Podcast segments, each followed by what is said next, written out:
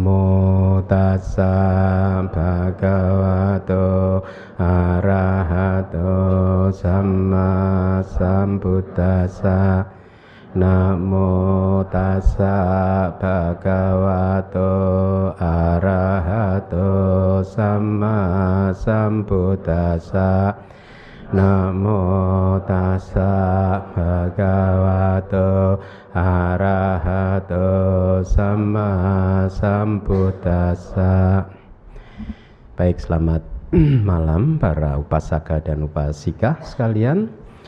Semoga Anda semua berbahagia. Kita berada di kelas yang ketiga, ketiga dari kelas Abhidhamma Sanggaha ya. Jadi di dalam kelas ini kita akan mencoba untuk mempelajari satu kitab. Ya, jadi yang akan Anda pelajari adalah kitab yang dijunjung tinggi oleh para biku khususnya di Myanmar ya kalau biku-biku di Myanmar itu hafal di luar kepala sebagai eh, bagian dari kurikulum mereka kalau yang didikan uh, sistem monastik tradisional di Myanmar mereka menghafal kitab Abhidhamma Tak Sanggaha ini di luar kepala gitu. Dan saya juga mengharap Anda juga menghafalnya, tapi bahasa Indonesianya aja. Karena tidak sulit dan manfaatnya besar sekali. Tidak sulitnya kenapa? Karena kayak seperti ini saja, syair pembukanya itu bisa jadi empat kelas. Ini kelas ketiga dan baru mungkin minggu depan kelas penutup untuk syair pembuka. Jadi artinya apa? Untuk menghafal syair pembuka Anda mempunyai waktu empat minggu. Jadi kenapa tidak bisa? Itu. Jadi Anda coba hafal. Manfaatnya besar sekali. Kenapa? Karena akan memberi apa yang Anda hafalkan tadi akan menjadi semacam guidance, petunjuk pada Anda pada saat nanti Anda bermeditasi dan Anda menemui keadaan-keadaan batin tertentu eh, sehingga pada saat itulah Anda bisa eh, menganalisanya secara benar sesuai dengan teks yang ditulis oleh arahat, oleh para arahat. Anda tidak menganalisanya berdasarkan opini Anda sendiri. Opini seseorang yang masih mempunyai kekotoran batin itu adalah bisa jadi sangat misleading, menyesatkan. Gitu. Jadi sangat dianjurkan kalau Anda menghafal syair pembukanya tadi. Nanti setelah kelas minggu depan akan ada syair yang baru lagi. Dan itu juga butuh waktu mungkin sebulan atau lebih untuk membahas satu syair aja. Jadi waktu yang ada cukup panjang untuk dihafal. Misalkan syair pembukanya apa? Ada yang hafal nggak? Bahasa Indonesianya aja. Kalau bahasa Palinya kan Anda nggak paham, nggak nggak hafal pasti kan.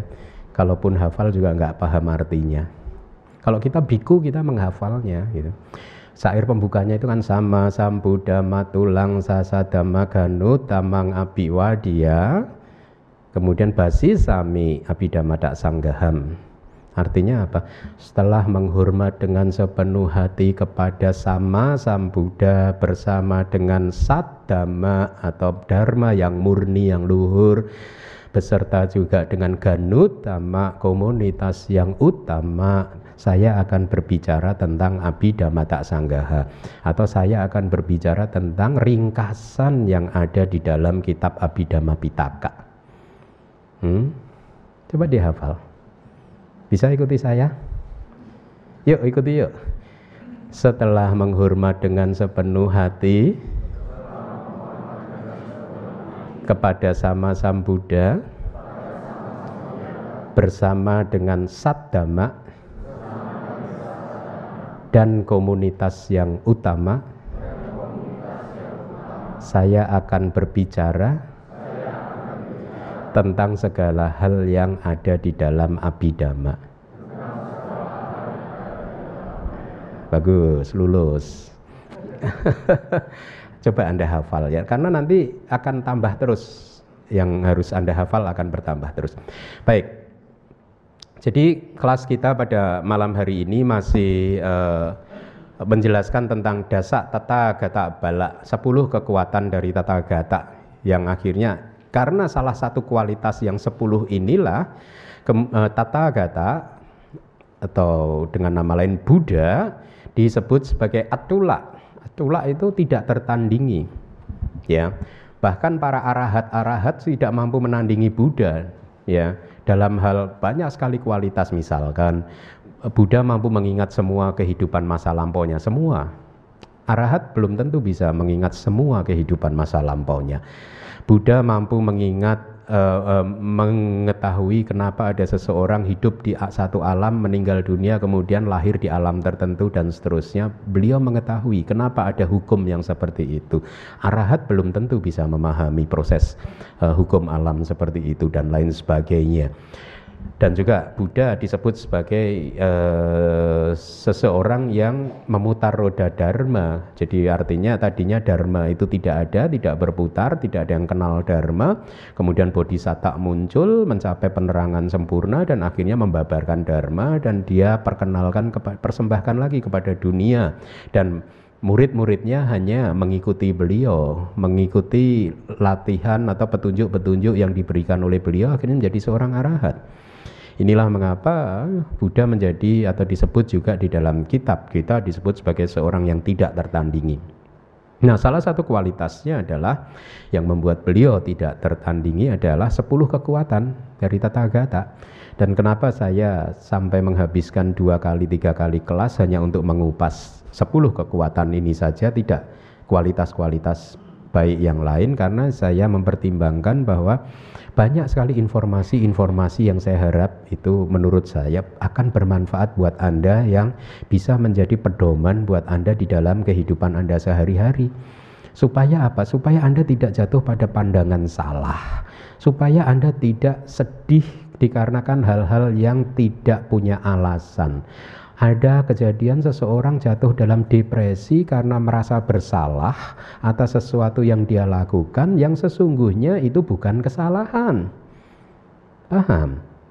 Dan contoh seperti ini banyak sekali. Sering kali saya temui seseorang sedih, stres hanya gara-gara memikirkan sesuatu yang dia persepsi secara keliru dia merasa telah melakukan satu kesalahan di masa lalu di mana menurut saya itu bukan kesalahan apa-apa tetapi sudah terlanjur membuat dia stres. Di situ kadang saya merasa sedih. kalau kalau mengetahui ada kejadian seperti ini bahwa seseorang menjadi stres karena pandangannya yang salah. Seseorang menjadi menderita karena kurang memahami hukum alam, kurang memahami dharma. Dharma ini selalu saya katakan hukum alam karena kalau Anda ingin bahagia, Anda harus melakukan seperti ini. Kalau Anda ingin menderita, ya, kalau Anda melakukan hal yang negatif, maka Anda menderita ini hanya hukum alam saja. Kalau Anda letakkan tangan Anda di dalam api, maka akan terbakar. Kalau Anda berjalan di angkasa, maka akan terjatuh ke bumi ketarik gaya gravitasi, hukum alam saja. Dharma ini juga hukum alam seperti itu. Bagaimana membuat hidup ini menjadi semakin bahagia, damai, berkualitas. Ya, nah inilah mengapa uh, sering saya berikan istilah uh, perumpamaan seperti ini. Hati kita ini ibaratnya sebuah taman dan seperti layaknya sebuah taman di mana pun selalu ada bunga-bunga yang indah, tetapi juga ada rumput liarnya, ada benalunya, bukan? Ya, di dalam bunga, di dalam taman tersebut selalu ada saja rumput liar. Nah, cara untuk menghancurkan atau membuat rumput liarnya ini tidak tumbuh lagi, cara yang paling harmonis apa? Tidak untuk menyakit apa menghancurkan rumput liar dengan cara kekerasan tetapi dengan memenuhi taman tersebut dengan bunga-bunga.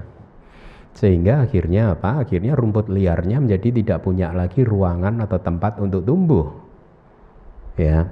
Nah ini hanya satu perumpamaan saja bahwa di dalam hati kita ini seperti taman yang mempunyai bunga juga mempunyai rumput liar. Mempunyai bunga cinta kasih, bunga kewelas asihan, bunga kesabaran, bunga uh, kemurahan hati dan lain sebagainya, bunga, bunga kebijaksanaan tetapi juga mempunyai rumput liar. Rumput liar keserakahan, kemelekatan, kemarahan, kebencian, dendam, iri hati, penyesalan dan lain sebagainya. Nah, caranya supaya mengusir rumput liar, kemarahan dan seterusnya itu bagaimana? Ya, perbanyaklah bunga di dalam hati taman hati Anda. Bunga tersebut apa? Bunga pariyati. Bunga pengetahuan dari Tripitaka. Seperti yang Anda pelajari saat ini. Katakanlah di hari pertama dulu ada seseorang, saya tidak paham banting satu jam kelas ini. Saya hanya paham satu hal saja. Ternyata ada sebab, ada kondisi. Good enough. Hari ini dia sudah menambah satu bunga di dalam taman hatinya. Betul tidak? Dan dengan belajar selama setahun, dua tahun, tiga tahun, empat tahun, akhirnya hati Anda penuh dengan pengetahuan. Pada saat hati Anda penuh dengan pengetahuan, Anda bisa menyelesaikan problem kehidupan Anda sendiri. Anda bisa menyelesaikan problem psikologis yang Anda hadapi. Anda bisa menjadi semakin jarang untuk jatuh dalam kesedihan, penyesalan yang enggak-enggak seperti yang di awal tadi saya katakan. Seringkali seseorang menderita dikarenakan kurangnya pengetahuan, bukannya karena apa-apa, karena dia kurang pengetahuan saja. Kurang pengetahuan dharma. Oleh karena itu, Selalu saya katakan pada siapa pun yang berkesempatan untuk berdiskusi kepada saya, tujuh hari di dalam satu minggu, sempatkanlah dua jam, tiga jam untuk datang ke DBS. Bukan saya berpromosi, mempromosikan DBS, tetapi di dalam DBS ini Anda bisa dua jam ini mempelajari Tripitaka dan kitab-kitab komentarnya. Ya, anda bisa mengumpulkan menanam bunga-bunga untuk ditanam di dalam taman hati Anda sehingga semakin banyak bunga yang Anda kumpulkan maka rumput liar emosi-emosi negatif akan tidak mempunyai tempat lagi untuk tumbuh di dalam taman hati Anda. Dan inilah mengapa saya menjelaskan tentang dasa Tata bela 10 kekuatan dari tata gata. Kekuatan yang kedua adalah ini ini sangat menarik. Mari kita coba uh, apa eh, pahami poin ini sangat menarik. Tetaga memahami sebagaimana adanya buah dari karma masa lalu, masa depan, dan masa sekarang dengan segala kemungkinan dan sebab-sebabnya. Tetaga Buddha memahami tentang cara bekerjanya hukum karma, sebab dan akibat, juga terhadap segala kemungkinan-kemungkinannya. Gitu. Nah, di dalam kitab komentar dari uh, kitab Abhidhamma Abhidhamma Pitaka yang kedua yakni Vibangga dari kitab Samoha Winodani kita mendapatkan informasi seperti ini. Ada yang disebut empat keberhasilan dan empat kegagalan. Sampati dan Wipati bahasa palinya. Keberhasilan dan kegagalan. Artinya kalau Anda bisa mendapatkan satu atau bah, lebih atau bahkan semua dari keberhasilan, maka hukumnya adalah bahwa keberhasilan ini yang Anda dapatkan nanti akan saya sampaikan, saya uraikan tapi rumusnya seperti ini Anda pahami dulu di tahap awal ini. Kalau Anda mendapatkan keberhasilan satu, dua, tiga atau bahkan semuanya empat-empatnya maka keberhasilan yang Anda dapatkan ini akan menghambat timbunan karma buruk di masa lalu yang sudah Anda tanam di dalam rangkaian arus kesadaran Anda sehingga semua karma buruk atau banyak dari karma buruk yang tidak mendapat kesempatan untuk berbuah. Ya. Sebaliknya dengan keberhasilan yang Anda dapatkan akan menyuburkan timbunan karma baik Anda sehingga Anda akan terus memetik buah karma baik Anda kegagalan ya. Sebaliknya dengan kegagalan maka kalau anda mendapatkan satu atau lebih atau semua empat kegagalan maka kegagalan yang anda dapatkan itu akan menyuburkan karma buruk anda. Dan sebaliknya akan menghambat karma baik anda untuk berkembang tumbuh dan berbuah. Nah keberhasilan dan kegagalan anda harus ingat bahwa kehidupan kita ini yang sekarang bukan kehidupan yang pertama Ya, awal dari kehidupan kita ini sudah tidak bisa ditemukan lagi di masa lalu. Artinya apa? Kalau di dalam satu jentikan jari saja, kesadaran kita ini muncul dan lenyap bermiliar-miliar kali, cepat sekali. Batin Anda ini muncul dan hilangnya itu dengan kecepatan yang sangat tinggi sekali, bermiliar-miliar kali di dalam satu jentikan jari. Dan sekarang ilmuwan juga sudah confirm mereka juga mengatakan bahkan tubuh jasmani ini, sel-sel tubuh jasmani ini di dalam satu detik juga 10 pangkat min berapa dia muncul kemudian destruction, hancur. Muncul, hancur. Diproduksi, hancur. Dan kecepatannya sangat tinggi. Baru tahun-tahun belakangan ini ilmuwan sadar bahwa tubuh kita mempunyai ke kecepatan diproduksi dan hancur dengan kecepatan sepersekian miliar detik Baru akhir-akhir ini aja. Dan mereka membutuhkan biaya miliaran jutaan rupiah, eh sorry, miliaran triliunan rupiah mungkin untuk menemukan ini. Buddha tidak, Buddha hanya membutuhkan nasi bubur saja. Di hutan Uruwela dia menerima persembahan dari seorang perempuan yang bernama Sujata dan kemudian dia go off dia menemukan ini semua buat tubuh jasmani, tidak hanya tubuh jasmani, tapi batin kita pun juga mempunyai kecepatan yang sangat tinggi sekali. Kalau tubuh jasmani ini mempunyai kecepatan satu miliar, batin kita lebih cepat lagi, 17 kali lebih cepat dari kecepatan tubuh jasmani ini untuk muncul dan kemudian hancur. Jadi karena kehidupan, awal kehidupan kita sudah tidak bisa ditemukan lagi. Kenapa? Karena saking lamanya. Awija niwaranang tanha samyojanang mereka yang masih terhalangi oleh awija, awija niwaranang, terhalangi oleh ketidaktahuan dan tanha samyojanang dibelenggu oleh nafsu keinginan tidak mungkin bisa mampu melihat awal kehidupan ini. Sudah lama sekali. Sementara di dalam satu detik bermiliar-miliar kali kesadaran kita muncul dan kemudian hancur. Dengan kata lain di dalam satu detik karma yang Anda ciptakan jumlah biji karmanya bermiliar-miliar.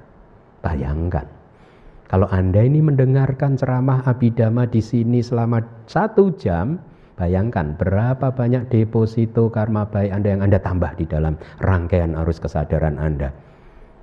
Hmm? Satu detik, satu miliar katakanlah. Satu jam berapa triliun? Hah, Anda sudah menambah deposito karma baik di sini karena mendengarkan dharma adalah karma baik, adalah kebajikan. Nah, sekarang kembali lagi. Karena kita hidup sudah lama sekali, artinya apa? Deposito karma baik dan deposito karma buruk kita ini sudah banyak sekali, tidak terhitung jumlahnya. Tidak terhitung jumlahnya. Nah, rumusnya adalah bahwa karma hanya mempunyai potensi untuk berbuah. Artinya apa? hanya mempunyai kekuatan untuk berbuah tetapi tidak harus berbuah. Dia hanya berbuah kalau bertemu dengan syarat, kondisi dan eh, hal-hal uh, yang lain. Contoh dalam kelas kali ini adalah keberhasilan dan kegagalan. Ya, maka karma tertentu akan berbuah dan yang lainnya akan lumpuh, akan terhalangi, tidak mampu untuk tumbuh dan bahkan berbuah. Nah, empat keberhasilan dan empat kegagalan itu empatnya adalah satu kelahiran jadi ada keberhasilan kelahiran, ada kegagalan kelahiran. Yang kedua penampilan. Yang ketiga waktu dan yang keempat metode atau usaha. Mari kita lihat uh, apa yang disebut keberhasilan kelahiran atau gatik sampati kan tadi ada empat ya kita pelan-pelan ini. yang disebut keberhasilan kelahiran adalah kelahiran di alam surga dan alam manusia. Jadi kalau Anda saat ini lahir di alam manusia, Anda sudah mengantongi satu keberhasilan terlebih dahulu. Dan inilah mengapa kita sebagai manusia relatif lebih banyak atau lebih sering memetik buah karma baik kita dibanding binatang atau mereka yang tinggal di neraka dan lain sebagainya. Kita relatif, karma baik kita subur, banyak yang subur sementara karma buruk kita banyak yang lumpuh tidak mendapat kesempatan untuk berbuah. Kegagalan kelahiran atau gati wipati adalah kelahiran di empat alam yang penuh penderitaan apaya ya neraka, peta, asura, binatang. E, kemudian keberhasilan e, penampilan upadi sampati adalah mempunyai kepribadian yang baik ya tidak hanya berwajah ganteng dan berwajah cantik tetapi kepribadiannya juga baik ya. Ada istilah di dalam kitab uh, komentarnya atak bawa yakni keberhasilan untuk menjadi manusia yang baik berperilaku yang baik. Kegagalan penampilan uh, adalah memiliki kepribadian yang rendah hina tak bawata ya. Kemudian uh, keberhasilan waktu adalah waktu atau saat di mana kita hidup dipimpin oleh raja yang tidak baik, menteri-menterinya tidak baik, ya. Uh, itu keber uh, sorry keberhasilan waktu berarti mempunyai raja yang baik dan orang-orang di sekelilingnya juga baik. Jadi dalam konteks yang lain Anda bekerja mempunyai pimpinan bos perusahaan, bos kantor Anda yang baik, maka Anda mencapai keberhasilan uh, waktu. Sementara kegagalan waktu atau kala wipati adalah saat di mana mempunyai, kita mempunyai raja atau pemimpin yang tidak baik dan orang-orang yang tidak baik ya. Kemudian keberhasilan usaha atau metode atau peyoga sampati adalah mempunyai atau mahir menggunakan cara-cara yang tepat di dalam menyelesaikan uh, dalam kehidupan ini ya. Sementara kegagalan metode adalah uh, selalu menggunakan cara-cara yang uh, tidak tepat ya. Kemudian uh, penjelasannya seperti ini ya. Seseorang melakukan karma buruk ya. Di mana karma buruk tersebut uh, sesungguhnya mempunyai kesempatan untuk berbuah berupa penderitaan dan lain sebagainya. Tetapi karma buruk tersebut menjadi tidak masak atau lumpuh atau tidak mempunyai kesempatan untuk berbuah. Kenapa? Karena terhalang oleh keberhasilan kelahiran atau oleh keberhasilan penampilan. Ya. Contoh nih. Seseorang yang ganteng atau seseorang yang cantik biasanya maaf ini maaf. Saya bukan berarti mau menyindir yang tidak ganteng. Saya lihat ke bawah aja deh biar nggak ada yang GR karena saya khawatir kalau saya bilang seseorang yang ganteng, saya lihat ke sana nanti yang sana hmm. atau seseorang yang cantik saya pas lihat ke sana ada yang GR nanti. Ya, saya lihat ke bawah aja. Seseorang yang ganteng dan Seseorang yang ganteng dan cantik biasanya akan relatif lebih mudah menjalani kehidupan ini. Dunia akan lebih mudah untuk memaafkan kesalahan dia, betul? Betul tidak? Coba yang berbuat kesalahan itu yang wajahnya jelek. Dunia akan menghukum dia, menghukum habis-habisan. Contoh yang yang yang mudah ya. Seseorang yang ganteng atau cantik melakukan kesalahan, dunia akan never mind lah. No one is perfect. Betul kan? Nah, coba yang melakukan kesalahan wajahnya jelek. Kamu itu udah berkali-kali dikasih tahu salah lagi, salah lagi. Udah wajah jelek, bodoh lagi. Nah, dihukumnya udah berlebihan kan? Tapi kenapa yang cantik tadi di, di, tidak dikatakan seperti itu? Karena dia mencapai keberhasilan penampilan. Ya. Kalau ada cowok six pack membantu Anda yang putri-putri ya, anda ke mall gitu membawa belanjaan yang berat tiba-tiba ada cowok kan apa six pack tubuhnya gitu. Ganteng lagi. Ci boleh saya bawain? Wah Anda pasti dalam hati yang perempuan-perempuan karma baik berbuah. Tapi coba kalau yang yang menawarkan bantuan itu adalah wajahnya jelek. Uh, mau cari-cari. Kamu kuli Tanjung Priok ya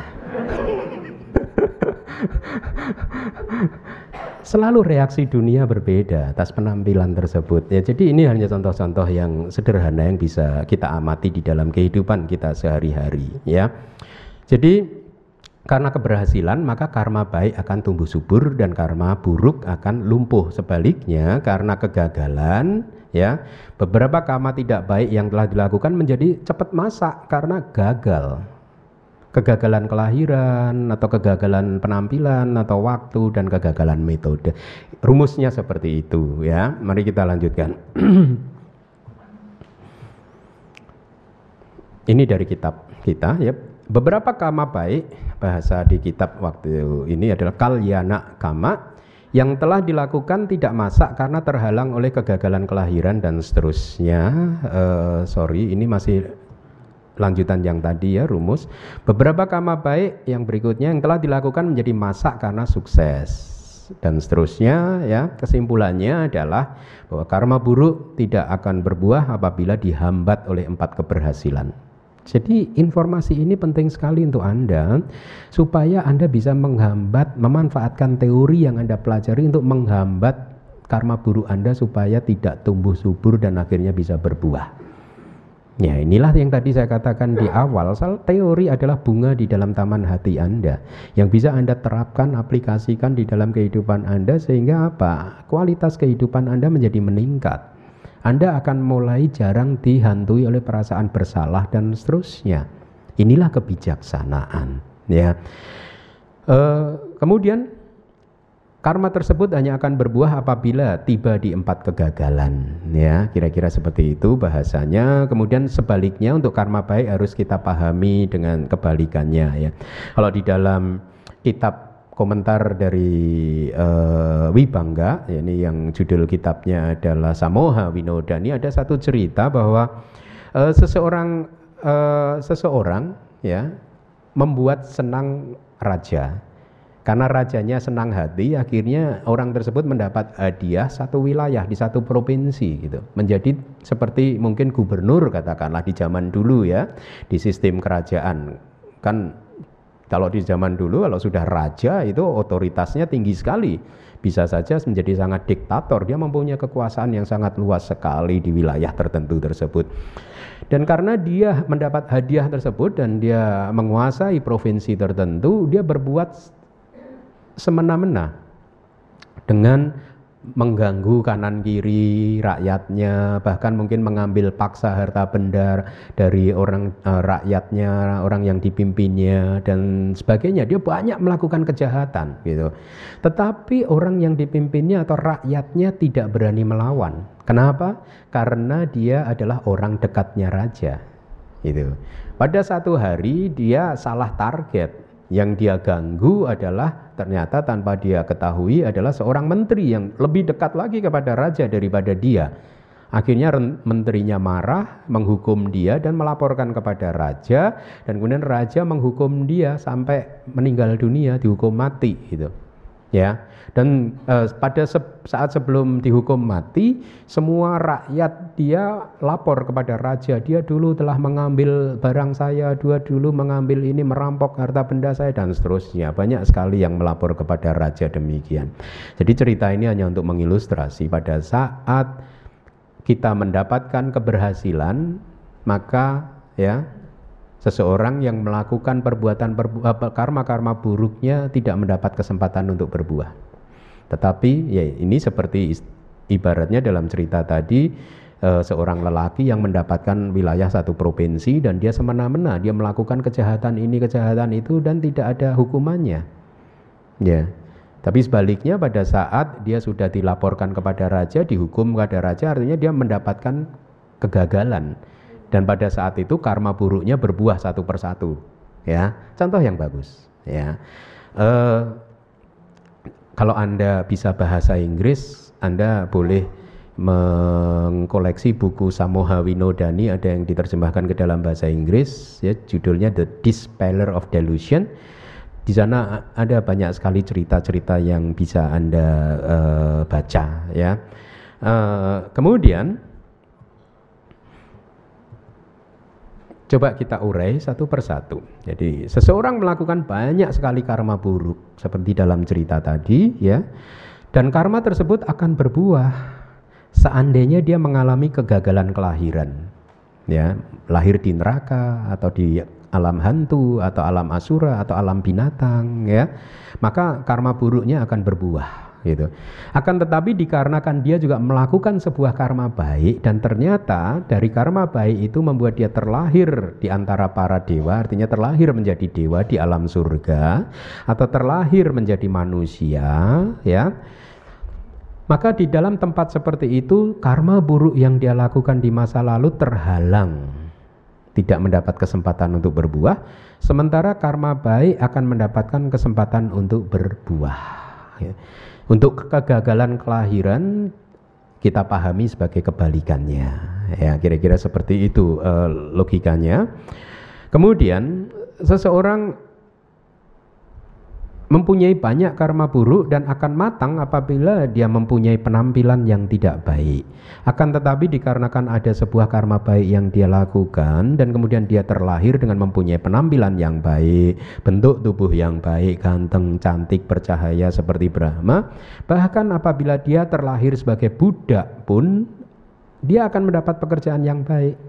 Janganlah masuk ganteng-ganteng harus harus mandiin kerbau. Nah, ini yang ganteng ini bagusnya jaga ini di istana para putri raja. Nah, tapi kalau yang jelek-jelek, udahlah karena ke sawah aja. Kira-kira seperti itu, ya. Uh, bahkan apabila dia terlahir sebagai Buddha akan mendapat pekerjaan yang baik. Untuk kegagalan penampilan mau harap dipahami sebagai kebalikannya. Ya, jadi saya harap ini tidak begitu sulit buat Anda. Di dalam keberhasilan waktu itu mempunyai pemimpin, raja, rakyat yang baik, menteri yang baik. uh, awal dari bumi ini terbentuk juga disebut sebagai keberhasilan waktu. Jadi awal dari alam semesta ini terbentuk, para manusia masih hidup dalam kebahagiaan. Kalau Anda baca sejarah terbentuknya alam semesta pada awal-awal terbentuknya alam semesta ini ya, semua makhluk yang turun ke bumi ini dipenuhi oleh kebahagiaan. Jadi banyak sekali mendapatkan kebahagiaan atau pada masa Raja Cakawati ada raja yang sangat pious, sangat baik hati, menjalankan pemerintahannya sesuai dengan dharma, ya. Atau pada zaman Buddha ini disebut sebagai ke keberhasilan waktu.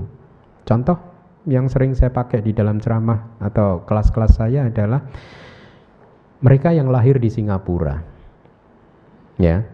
Singapura itu sebagai satu teritori negara, dia punya apa dibandingkan Indonesia? Ya tetapi karena mereka mempunyai pemimpin yang baik, akhirnya rakyat orang Singapura cenderung hidupnya lebih nyaman. Artinya apa? Karma baiknya banyak yang berbuah. Sementara karma buruknya terhambat untuk berbuah. Contoh yang ekstrim yang lain, mereka yang lahir di Afrika Selatan. Ya, hidup kelaparan, mencari makan harus mengais-ngais di dalam tempat sampah, ya Kenapa hal ini terjadi? Karena karma buruknya berbuah. Kenapa bisa berbuah? Karena gagal lahir di tempat yang mempunyai pemimpin yang baik. Kira-kira seperti itu. Nah, bukan berarti mereka yang hidup di Afrika Selatan itu timbunan karma baiknya tidak ada. Atau bukan berarti mereka yang hidup di negeri seperti Singapura tidak mempunyai deposito karma buruk. Sama punya. Yang di Afrika Selatan juga punya timbunan karma baik. Tetapi apa? Karma buruk orang Singapura terhambat untuk sementara ini. Jadi mereka cenderung mendapatkan kehidupan yang lebih nyaman dibandingkan manusia yang ada di Indonesia ini. Ya, jadi uh, ini contoh-contoh aktual yang bisa Anda coba analisa dan pahami sesuai dengan uh, apa yang ditulis di dalam kitab-kitab komentar kita. Demikian pula dengan keberhasilan dan kegagalan metode, Anda pahami dengan cara atau logika yang sama. Keberhasilan metode itu artinya Anda mempraktekkan sila-sila Anda ya. Lima sila Anda ya. Hidup dengan menjunjung tinggi moralitas, kemudian mempunyai ucapan, perilaku dan pikiran yang baik, maka Anda membangun keberhasilan metode. Tapi kalau Anda sudah sila jalan dipraktekkan, ucapan kasar, pikiran jelek, jahat, perilakunya tubuh juga sangat ringan tangan terhadap makhluk lain atau bahkan terhadap orang lain ya. Dan kemudian menderita dan kemudian datang ke Bante Keminda tanya Bante kenapa ya saya menderita ya Bante? Ya kalau ada yang seperti itu coba kamu tanya ke murid-murid Abhidhamma aja deh. Ya, Anda yang harus menjelaskan kepada mereka kepada dia. Sudah jelas seseorang yang moralitasnya tidak baik, ucapannya tidak baik, pikirannya tidak baik, perbuatannya tidak baik, mereka akan menyuburkan deposito karma buruknya dan akan menghambat timbunan karma baiknya untuk berbuah. Ya, sebaliknya orang yang moralitasnya baik akan menghambat karma buruk dan menyuburkan karma baiknya. Ya, kegagalan metode itu adalah ya melakukan 10 karma buruk sebagai tambahannya. Apa itu 10 karma buruk? Mama, mama, mama. Apa itu 10 karma buruk? Hah? Kira-kira Anda keberatan nggak kalau saya jawab sendiri? Boleh? Enggak. Lebih baik Anda Google aja deh. Daripada waktunya habis. ya. Uh, makanya kalau Anda 10 karma buruk aja tidak tahu, jangan-jangan Anda melakukannya terus tiap hari. Hmm? Dan Anda anggap ini bukan karma buruk. ya, uh, kita masuk ke poin yang ketiga. Tata kata memahami sebagaimana adanya jalan untuk menuju ke semua kelahiran. Apa maksudnya? Buddha memahami karma-karma tertentu yang bisa menghasilkan kelahiran di semua alam. Di 31 alam di dalam satu sistem tata dunia termasuk juga karma tertentu yang bisa mendukung seseorang untuk merealisasi nibbana. Buddha memahami hal seperti ini. Sementara para arahat tidak paham, ya. Jadi ada definisi di dalam kitab kita yang disebut neraka itu adalah keadaan tanpa kepuasan, nirasada dan juga nirati atau tanpa kesenangan. Kemudian binatang tirat jana adalah mereka atau makhluk yang berjalan dengan cara eh, berjalan horizontal, hantu atau peti peta mereka yang telah pergi itu definisinya atau kembali dari sini alam manusia disebut sebagai manusia karena batinnya menonjol Artinya menonjol itu mempunyai kapasitas untuk berkembang secara maksimal. Hanya manusia. Inilah mengapa hanya manusia yang bisa menjadi Buddha. Tidak dewa, tidak Brahma. Karena hanya manusia yang mempunyai kapasitas batin yang bisa dikembangkan secara maksimal. Kalau dikembangkan secara maksimal dalam artian positif, seseorang manusia bisa menjadi seorang Buddha. Tapi kalau dikembangkan secara negatif, seorang manusia bisa membunuh ayah ibunya sendiri. Ya. Uh, itu definisi definisi yang kita temukan. Kemudian yang terakhir dewa. Artinya bersenang-senang dengan lima jalinan nafsu indrawi. Artinya apa? Para dewa adalah para makhluk yang hidupnya senantiasa mencari kepuasan-kepuasan panca indera ya. Melihat pesta pora, melihat dewi-dewi yang cantik, yang dewinya juga melihat dewa-dewa yang ganteng, ya berpesta-pesta terus mendengarkan musik melalui telinganya mencium bunga-bunga yang wangi terus mengharapkan ini hidupnya terjebak pada dunia panca indera terus ya. Maka dia disebut sebagai dewa. Atau mereka juga makhluk yang bersinar karena keberhasilan tempat ya bersinar memang dewa bentuk tubuhnya berbeda dengan kita uh, Nibana, apa itu nibana? Terdiri dari ni, wana. Wana adalah nafsu atau idam-idaman kita, keinginan kita, kerinduan kita. Nibana adalah satu keadaan di mana sudah tidak ada wana tadi. Tidak ada nafsu dan seterusnya. Ya, jadi ini yang Anda perlu pahami di tahap awal belajar abidama ya. Uh, ingat bahwa belajar abidama itu seperti guru-guru di Myanmar selalu mengatakan itu seperti bermain jigsaw puzzle. Anda tahu permainan jigsaw puzzle itu menyusun potongan-potongan gambar sampai disusun sampai terlihat gambarnya secara penuh, ya. Ini hanya perumpamaan yang dipakai oleh para seyado di Myanmar. Kalau Anda mempelajari abidama, tak sanggaha sampai sebelum Anda sampai ke bab yang kesembilan nanti, ya maka gambaran tentang abidama itu masih samar-samar. Tapi begitu Anda selesai abidama tak sanggaha bab ke-9 Anda akan tahu oh abidama itu seperti ini. Bahkan tadi saya katakan syair-syairnya juga Anda harus hafalkan. Anda punya banyak waktu untuk menghafalkannya. Kita masuk ke kekuatan yang ketiga uh,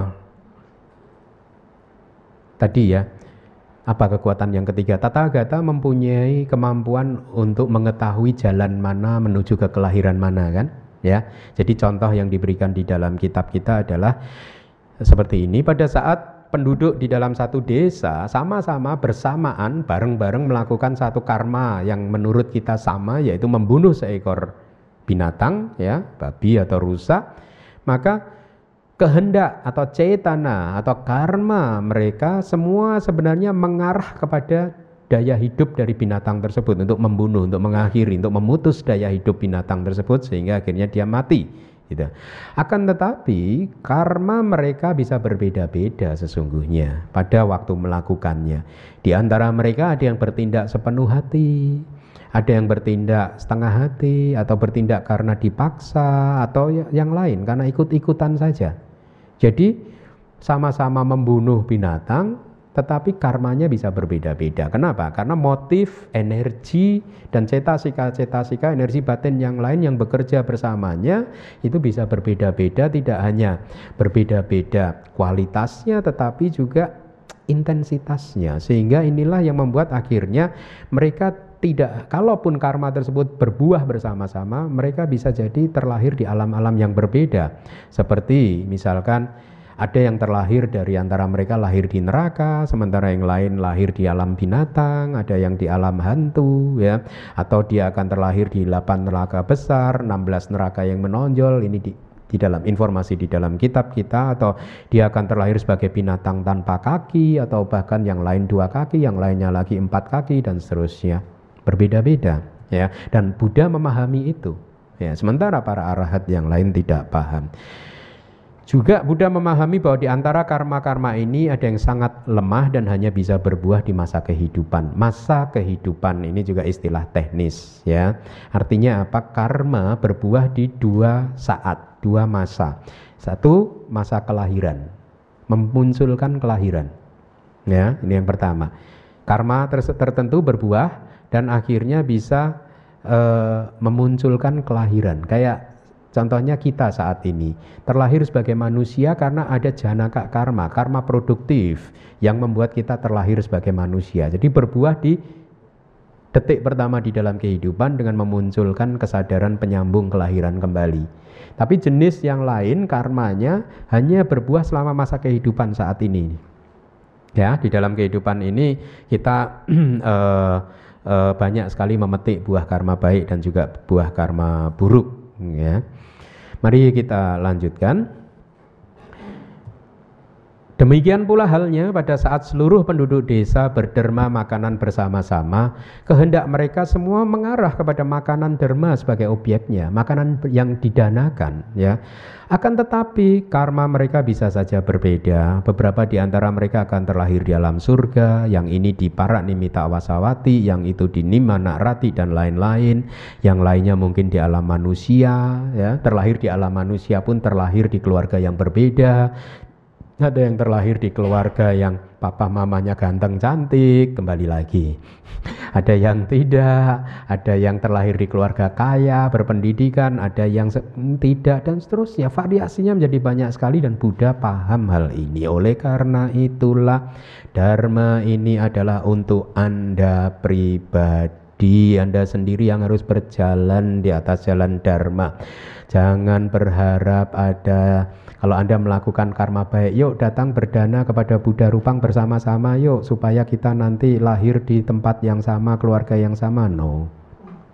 Meskipun ada yang disebut karma kolektif, tetapi kemungkinan itu akan sangat sulit sekali karena motivasi kita masing-masing bisa berbeda. Oleh karena itu, pada saat Anda melakukan karma baik, pastikan Anda mempunyai motivasi yang terbaik jaga pikiran batin Anda supaya bersih sebelum melakukan, pada saat melakukan dan sesudah melakukannya. Lakukan terus perenungan-perenungan untuk memboosting up kedamaian dan kebahagiaan Anda sehingga muncul komitmen untuk terus-menerus berbuat kebajikan, ya. Nah, uh, untuk mereka, ini Buddha juga paham, yang memulai bermeditasi wipasana, beliau paham, ya orang tertentu akan mencapai tingkat kesucian sotapana, dan yang lain mungkin tidak, dan seterusnya. Jadi ini kekuatan tata agata yang tidak dipunyai oleh para arahat yang lain. Ya. Poin yang keempat, Tata Gata memahami sebagaimana adanya dunia dengan banyak elemen dan elemen yang berbeda-beda Artinya di sini tata gata Nah, ini saya akan meng, me, melatih Anda untuk mulai memahami istilah-istilah teknis di dalam abidama ya. Yang saya beri tanda kutip itu mohon diperhatikan ya. Memahami bermacam agregat karena ini istilah teknis ya. Kanda. Bermacam landasan ayatana ya. Bermacam elemen datu kemudian memahami bermacam dunia yang mempunyai banyak elemen yang uh, berbeda-beda. Jadi uh, beliau memahami bermacam agregat. Jadi ini saya cantumkan dari kitab Wibangga ya. Uh, halaman 1 dari Sutanta Bajania itu ada tulisan ya artinya analisa secara suta di dalam kitab tersebut ada abidama bajania, analisa secara abidama, tetapi untuk tahapan awal ini saya harap Anda eh, pahami, Anda ingat-ingat istilah-istilah teknis uh, yang berkaitan dengan definisi-definisi yang kita temukan di dalam kitab kita. Apakah yang disebut sebagai agregat materi rupa kanda? Anda kan sering mendengarkan rupa kanda, agregat materi. Coba apa yang Anda pahami? Agregat materi itu apa sih? Hmm? Nah sekarang Anda tahu definisinya. Agregat materi adalah setelah mengumpulkan dan meletakkan sesuatu di dalam satu tempat ya yang terdiri dari apa pun jenis materi dari masa lalu, kehidupan masa lalu kita ya. Kemudian masa depan, masa sekarang internal di dalam diri kita sendiri atau eksternal ya di luar tubuh kita yang kasar atau lembut, inferior atau superior, jauh atau dekat ini semua yang disebut agregat materi atau apa tadi bahasa palinya rupa kanda. Ya. Empat agregat yang lain disebut sebagai agregat karena dia kumpulan, kumpulan dari atita, nagata, pacupana dan seterusnya. Ajatang wa bahidawa olarikang wa sukumang wa hinang wa panitang wa yang dure santike wa tade kajang api sanyuhit wa api sangkipit wa ayang wujati rupa kando kumpulan dari masa lalu, masa depan, masa sekarang dan seterusnya. Maka dia disebut sebagai agregat. Nah, agregat yang lain yaitu Wedana Kanda, yaitu apa bahasa Indonesianya? Agregat perasaan, sanya kanda, agregat. Hmm? persepsi, sangkara kanda, agregat. Formasi-formasi batin. Dan winyana kanda agregat.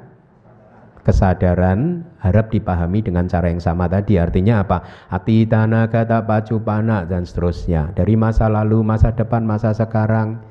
Kemudian bahidawa eh, ejatawa bahidawa internal eksternal hina panita rendah tinggi dan seterusnya ya eh, inferior superior kemudian eh, coba anda baca bersama-sama dulu Pancakanda coba. Pancakanda apa saja? Berurutan. Rupa kanda, Wedana kanda, Sanya kanda, Sangkara kanda, Winyana kanda. Pancakanda bahasa Indonesianya apa? Lima agregat. Rupa kanda bahasa Indonesianya apa? Agregat materi. Kemudian bahasa Indonesianya apa? Agregat perasaan. Kemudian sanya kanda agregat persepsi. Sangkara kanda agregat formasi-formasi batin. Kemudian winyana kanda agregat bagus, lulus. Karena akan banyak nanti pelan-pelan kita saya akan drill Anda terus. Lihat ada 12 yang harus Anda hafalkan. 12 landasan, dua dasa yatanani yang wat, sebenarnya agak wajib Anda hafalkan nomor 1 sampai 12 itu. Ya. Pak Tata Gata paham bahwa kedua belas landasan ini tidak kekal, duka dan tanpa aku atau sesuatu yang selalu berubah, wiparinama damang. Ya. Apa ini 12 landasan ya? 12 landasan ini hanyalah nanti juga ada 18 elemen. Ini hanyalah cara kita untuk memotong-motong fenomena sampai ke unsur-unsur yang terkecil. Ya. Contohnya Anda memotong-motong mobil dipotong-potong, dipisahkan. Ini roda, ya, ini kaca spion, ini setir, ini jok dan lain sebagainya. Nah, fenomena-fenomena kehidupan ini harus dipotong-potong sampai ke unsur-unsur yang terkecil supaya apa? Supaya persepsi kita tentang adanya diri yang kekal hancur. Persepsi kita berubah.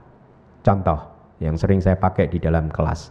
Seekor binatang berkaki empat berkulit putih punya ekor sering diperah susunya kalau bersuara hmm, Anda sebut apa? Sapi. Kalau sapi tersebut dipotong-potong sampai potongan yang kecil-kecil kemudian dijajakan di supermarket Anda datang ingin membeli saya ingin beli sapinya satu kilo begitu apa yang Anda katakan kenapa berubah namanya kenapa berubah tadi sapi kenapa sekarang daging Karena sapinya sudah dipotong-potong sampai ke unsur-unsur yang terkecil sehingga persepsi Anda berubah. Persepsi Anda tentang apa yang Anda anggap sebagai Anda, identitas diri Anda akan berubah pada saat Anda mampu memotong-motong fenomena sampai ke unsur-unsurnya yang terkecil dan inilah wilayah abidama. Abidama akan memberikan pengetahuan kepada Anda untuk memotong-motong fenomena sampai ke unsur-unsur yang terkecil. Dan ini harus Anda pahami. Dalam tahapan awal ada 12 landasan yang harus Anda hafalkan tidak sulit sebenarnya. Kalau Anda perhatikan 1 sampai 5 itu adalah ya, panca in, jadi rumusnya seperti ini. Panca indera kemudian juga dengan landasan batin ya, kan berarti 6. Panca indera. Mata kan hanya Anda pakai untuk melihat. Tapi mata tidak bisa Anda pakai untuk mendengar. Demikian juga panca indera hanya bisa kita pakai untuk berhubungan dengan objeknya masing-masing. Tetapi pada saat kita tutup mata bermeditasi kemudian atau kita memikirkan sesuatu, kita tidak membutuhkan panca indera. Kita membutuhkan landasan yang disebut mana ya tanah, landasan batin, di mana Anda berpikir, merenung, sedih, stres, marah, dan lain sebagainya. Hampir sebagian besar itu ada di dalam mana ya tanah. Landasan yang ke 11, landasan batin. Ya, jadi enam landasan. Kemudian objeknya masing-masing ada berapa? 6 juga kan? Berarti 6 plus 6 berapa anak-anak?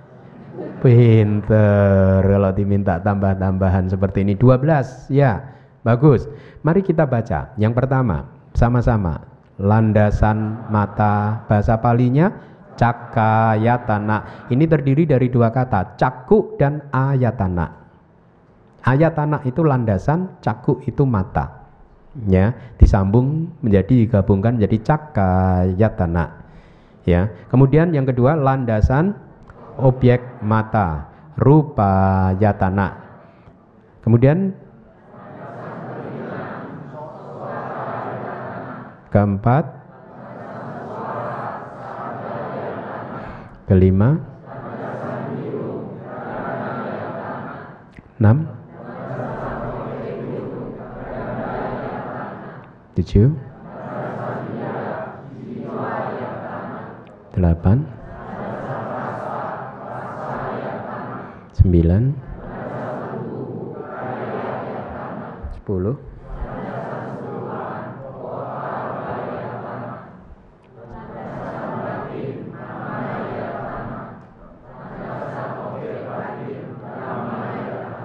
ya tidak sulit. Kalau hafalkan dulu urutan panca indera mata telinga hidung lidah tubuh.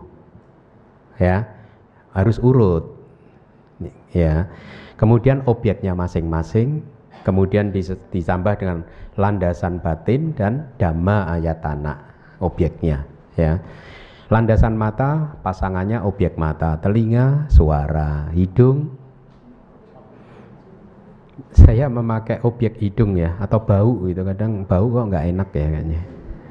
Aroma yang positif yang baik bau yang bau. Di sini saya pakai objek hidung lidah dan rasa objeknya kemudian tubuh dan sentuhan sebagai objeknya batin dan juga objek batin. Catatan nah ini juga agak teknis. 10 landasan ini dari kitab komentar. 10 landasan termasuk di kama wacara artinya ada 10 landasan yang aktif di dunia-dunia panca indera. Hmm? Yakni nomor satu sampai nomor sepuluh Di alam-alam yang di mana panca indera ini sangat dominan. Nomor satu sampai sepuluh Meskipun nomor sebelas dan dua belas juga kadang aktif di alam-alam yang panca inderanya dominan tetapi untuk restriksi saja di sini yang hanya termasuk di kama wacara di dunia panca indera hanya 10 nomor 1 dan 10 sementara dua yang terakhir itu termasuk dalam catuk bu maka empat tingkatan. Empat tingkatan itu apa? Empat tingkatan. Tingkatan yang pertama alam alam uh, indrawi ya Kemudian yang kedua tingkatan kedua adalah rupa wacara alam-alam Brahma yang masih mempunyai tubuh halus. Yang tingkatan yang ketiga arupa wacara yakni alam Brahma yang tidak mempunyai tubuh sama sekali. Dan yang keempat ini adalah nibbana, lokutra, dhamma, nirwana. Ya, jadi ini yang dimaksud dua yang terakhir bisa aktif juga di sana, bisa aktif juga di tiga alam yang bawahnya. Ya. Nah, eh, tadi sudah saya sampaikan 12 eh, landasan tadi adalah itu menguraikan fenomena kehidupan ke dalam pintu dan objek dari kesadaran. Pintu istilah teknis juga, pintu mata, pintu telinga, pintu hidung, pintu lidah, pintu tubuh, ya. Kemudian objek uh, dari dari masing-masing kesadaran yang disebut landasan batin mana yatana itu semua jenis kesadaran 89 cita ya ini teknis. Landasan objek batin ini juga teknis hanya buat mereka yang sudah pernah belajar abidama ya. Dhamma ayat tanah di sini adalah 52 cetasika. Buat Anda yang belum pernah belajar abidama jangan putus asa karena pasti nanti kalau saatnya tiba Anda paham apa ini istilah-istilah ini ya. 16 materi halus dan nibbana. Pengertian landasan atau bahasa palinya ayat tanah di sini hanya berlaku untuk realitas yang hakiki bahasa palinya para mata dharma yaitu segala sesuatu yang mempunyai sifat alamiah sendiri. Ini penting. Segala sesuatu yang mempunyai sifat alamiahnya sendiri. Inilah dharma. Ya. Karena banyak sekali manusia terjebak pada sesuatu yang bukan dharma. Ya. Sesuatu yang tidak mempunyai sifat alamiah intrinsiknya, tidak mempunyai sebawa lakana ya. Dan dia mengejar-ngejar sesuatu yang bukan dharma tersebut. Inilah yang membuat manusia akhirnya jatuh ke dalam penderitaan. Definisi di dalam kitab kita, awija, ketidaktahuan adalah keadaan batin di mana selalu mengejar sesuatu yang tidak eksis. Ketidaktahuan yang menjadi sumber juga dari samsara ini, akar dari samsara yang paling kuat. Senantiasa mengejar sesuatu yang tidak eksis. Anda mengejar ingin punya mobil, mobil tidak eksis. Anda mengejar ingin punya rumah yang lebih baik lagi, rumah tidak eksis. Karena tidak eksis maka dia tidak bisa dijadikan objek kebijaksanaan kita, objek untuk meditasi vipassana kita sehingga akhirnya apa? Karena dia tidak bisa dijadikan objek vipassana kita, maka objek-objek yang tidak eksis seperti itu tidak akan pernah bisa membuat kebijaksanaan kita meningkat sehingga akhirnya kilesa-kilesa kita tercabut, tidak bisa muncul lagi.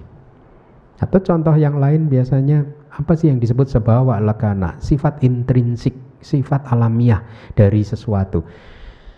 Mobil itu mempunyai sifat alamiah nggak? Hmm? Punya tidak? Coba sebutkan sifat alamiahnya. Hmm? Apa? Sifat alamiah mobil apa? Panas.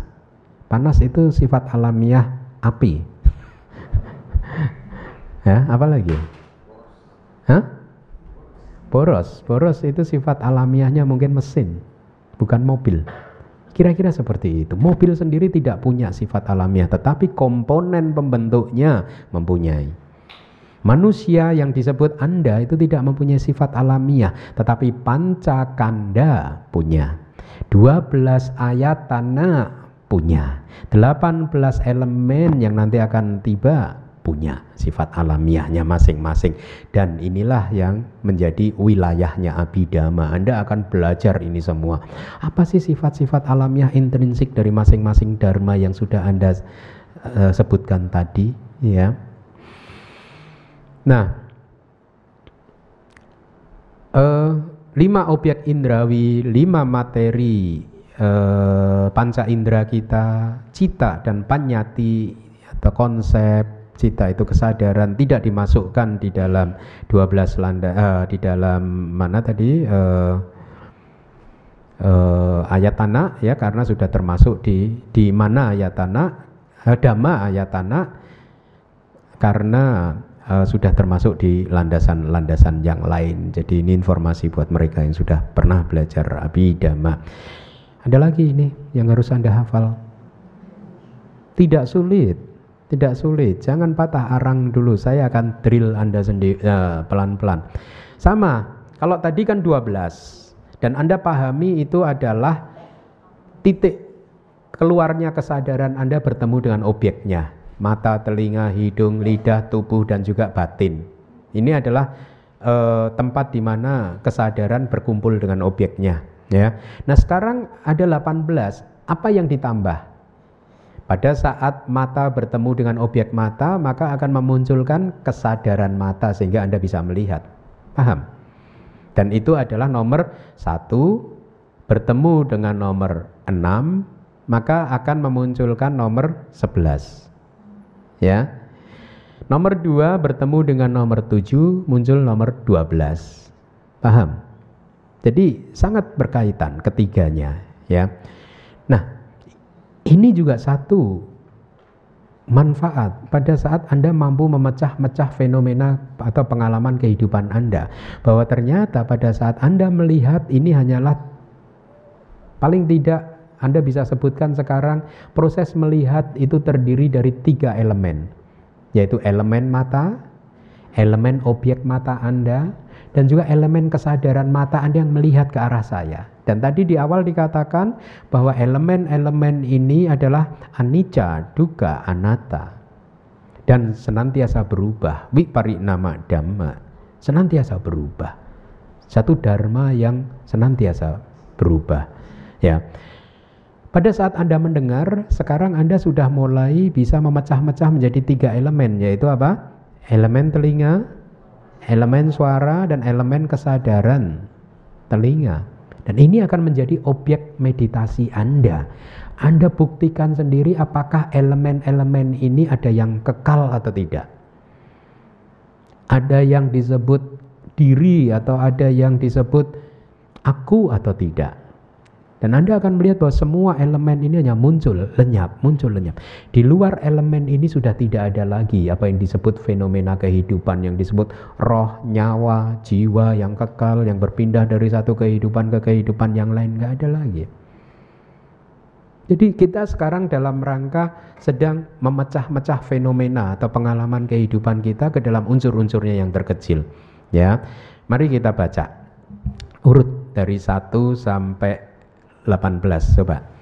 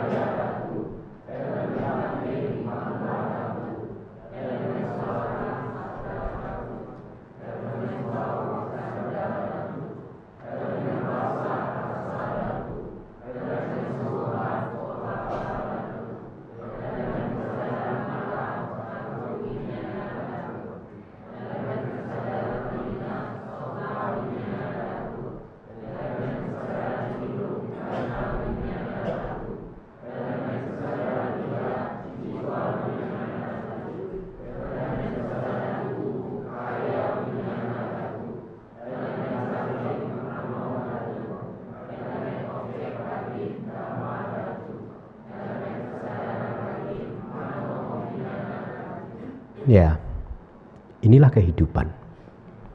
Di luar dari ini sudah tidak ada lagi fenomena kehidupan, apalagi.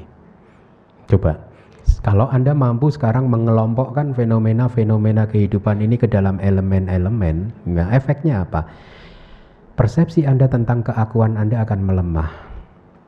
Bahwa sesungguhnya pada saat Anda sedang sedih pun, yang bekerja hanyalah nomor 16, 17, 18 ya elemen batin bertemu dengan objek batin dharma ya. Kemudian akhirnya memunculkan elemen kesadaran batin dan seterusnya ya. jadi lihat abidama akan menjadi sangat menarik sekali. Karena sesungguhnya abidama itu berbicara tentang kehidupan kita. Abidama menarik. Lihat baru sampai 18 elemen aja saya yakin beberapa atau banyak dari Anda sudah mendapatkan insight Oh ternyata pengalaman kehidupan hanya 18 elemen ini dan tadi di awal dikatakan anicca duka anatta nama dhamma tidak kekal suffering karena tidak kekal maka suffering Kenapa disebut duka? Karena tidak kekal. Bukan karena hidup ini semuanya yang ada penderitaan, ada kebahagiaan. Kita mengakui benar ada kebahagiaan, tetapi kebahagiaan itu juga tidak kekal. Maka inilah mengapa disebut penderitaan. Yat panani cangtang dukang, apa pun yang tidak kekal itu adalah penderitaan. Dan anatta, karena dia anicca, tidak kekal dan penuh penderitaan, maka anatta tidak ada diri. Karena segala sesuatu muncul lenyap, penuh penderitaan, dan anatta tidak pantas untuk dianggap sebagai milik kita dan seterusnya.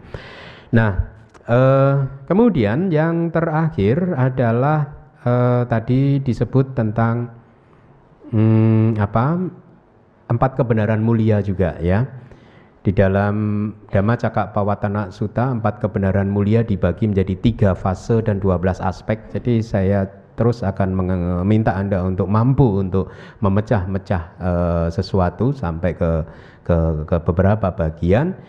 Di dalam uh, apa Empat kebenaran mulia, KM1, kebenaran mulia yang pertama itu dibagi juga menjadi tiga, saca nyana, kicak nyana, kata nyana, saca nyana, kebijaksanaan tentang kebenaran, pengetahuan tentang kebenaran itu sendiri. Ya ini apa? Oh ya, ini ada penderitaan. Anda harus mengakui ada penderitaan. Ada sesuatu yang tidak kekal. Ini yang pertama. Kemudian kicaknya, nah kebijaksanaan tentang apa yang harus kita lakukan kemudian. Di sana disebutkan penderitaan harus dipahami sepenuhnya, tidak untuk diusir, tidak untuk ditolak, tidak bahkan untuk dihancurkan karena penderitaan hanyalah efek. Yang harus dihancurkan adalah sebab. Apa sebab dari penderitaan? Kebenaran mulia yang kedua. Kata nyana adalah kebijaksanaan yang memahami bahwa pekerjaan sudah dilakukan. Ya, penderitaan telah saya pahami sepenuhnya. Kebenaran mulia yang kedua adalah sebab dari penderitaan. Apa yang harus kita lakukan? Tahap yang pertama adalah pengakuan saja. Oh, ini yang disebut sebab dari penderitaan, yakni apa? Tan ha nafsu-nafsu keinginan kita harus dilihat, diakui dan e, dipahami. Inilah tanha, inilah nafsu keinginan. Lalu apa yang harus kita lakukan? Yang kedua, tanha harus kita tinggalkan pahataba bahasa palinya. Kemudian kata nyana adalah pengetahuan yang memahami bahwa pekerjaan sudah selesai kita lakukan. Tanha telah ditinggalkan. Ya. Kebenaran mulia yang ketiga adalah tentang akhir dari penderitaan atau nibbana ya. Kita tahu ini adalah nibbana. Kemudian akhir dari penderitaan. Apa yang harus kita lakukan untuk mencapai nibana? Kita harus merealisasi nibana. Nibana harus direalisasi, ya. Kemudian nibana telah direalisasi. Kebenaran mulia yang keempat tentang jalan menuju nibana anda harus ketahui inilah CM8, CMP8, jalan mulia berunsur 8. Kemudian tugas yang harus dilakukan, kebenaran mulia yang keempat harus kita kembangkan Jalan mulia berunsur delapan harus kita kembangkan. Jalan mulia berunsur delapan mempunyai nama lain yakni apa? Tiga latihan Buddhis. Apa itu? Sila, samadhi, hanya harus kita kembangkan. Ya, harus kita latih. Dan inilah menariknya Buddhism. Karena Buddhism mungkin ajaran yang tidak menganjurkan kita untuk berdoa. Anda bisa mencapai nibana dengan berdoa. Kalau bisa, semua makhluk hari ini udah bisa semua. Dan di dalam salah satu suta yang diajarkan Buddha, itu Buddha berkata, ayo wanak suka bala saga, panjang umur, kerupawanan, kebahagiaan, kekuatan, dan juga kelahiran di surga tidak bisa didapat dengan cara berdoa. Nang ning nung. Anda yang berarti doa saya selama ini percuma Bante. Ya? Ini kata-kata Buddha. Bahkan kebahagiaan tidak bisa didapatkan dengan cara berdoa. Karena kalau kebahagiaan bisa kita dapatkan dengan cara berdoa, lalu siapa yang tidak bisa mendapatkannya? Itu kata di dalam suta tersebut. Kalau Anda tidak percaya, Anda boleh boleh Google cari sutanya namanya Ita Suta, I T T H A. Suta. Baca. Ya. Kebahagiaan hanya bisa diwujudkan dengan melakukan kebajikan, berdana, melatih sila dan lain sebagainya. Latihan-latihan Buddhis. Ya. Nah, jadi Jalan mulia berunsur delapan harus dikembangkan dan pada saat Anda sudah merealisasi nibbana Anda tahu bahwa jalan mulia berunsur delapan telah dikembangkan. Jadi ini tiga fase yaitu sacak nyana, kicak nyana dan kata nyana. Sacak itu e, kebenaran, nyana itu pengetahuan, pengetahuan tentang kebenaran. Kicak nyana itu pengetahuan tentang e, tugas yang harus dilakukan. Kata nyana pengetahuan, kebijaksanaan yang mengetahui bahwa sesuatu telah Halo. bahwa kata telah telah di, dilakukan, telah dilaksanakan. Jadi bahkan kalau Anda membaca Dhamma Caka Ini HP-nya itu nanti terlahir di alam apa ya loh.